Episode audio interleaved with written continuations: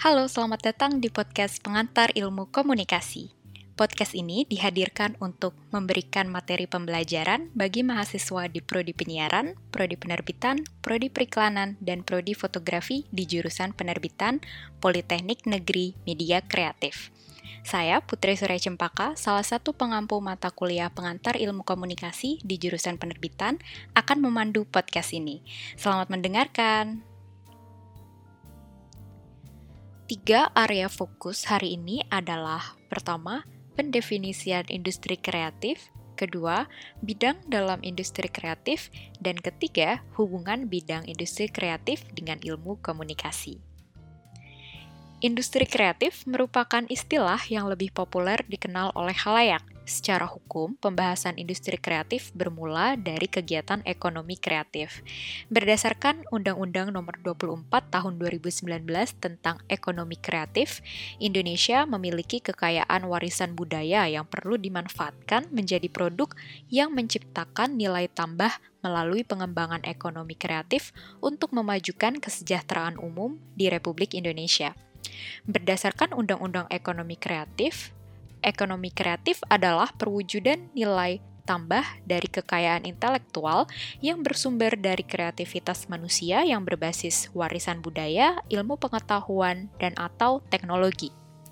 Pelaku ekonomi kreatif adalah orang, perseorangan, atau kelompok orang warga negara Indonesia atau badan usaha berbadan hukum atau bukan berbadan hukum yang didirikan berdasarkan hukum Indonesia yang melakukan kegiatan ekonomi kreatif terdapat 16 subsektor industri yang termasuk subsektor ekonomi kreatif. Arsitektur, desain interior, DKV, desain produk, film animasi video, fotografi, kria, kuliner, musik, fashion, aplikasi dan games, penerbitan, periklanan, TV dan radio, seni pertunjukan, dan seni rupa. Mengapa penting belajar ilmu komunikasi untuk mendalami industri kreatif? Pengantar ilmu komunikasi yang selama ini dipelajari tentu dapat diimplementasikan dalam bidang industri kreatif. Misalnya, penggunaan komunikasi nonverbal. Laku kreatif di bidang tertentu memerlukan kelihayan komunikasi terutama dalam bidang komunikasi nonverbal atau visual seperti DKV, desain, arsitektur, fashion, dan lainnya. Dalam mempraktikkan kemampuan dalam segala konteks komunikasi dilakukan dengan implementasi konteks komunikasi yang dapat ditemui pada tiap-tiap bidang industri kreatif.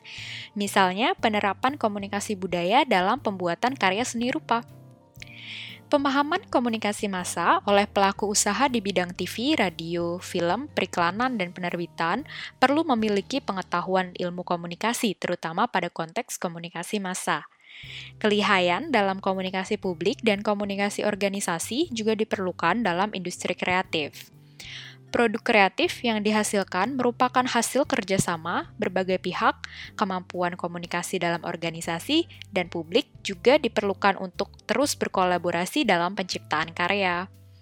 Industri kreatif pada masa kini berhubungan erat dan tidak bisa dipisahkan dari teknologi informasi digital, termasuk melalui cara-cara pemasaran produk kreatif melalui media jejaring sosial, sehingga pertumbuhan teknologi komunikasi juga turut mengembangkan industri kreatif. Tidak berhenti pada pemahaman di ilmu komunikasi saja, untuk semakin menekuni bidang industri kreatif, diperlukan juga pengetahuan mengenai teknologi, informasi, dan komunikasi. Demikian penyampaian materi pada kesempatan ini. Terima kasih sudah mendengarkan dan belajar dari podcast pengantar ilmu komunikasi. Sampai bersua kembali di episode selanjutnya.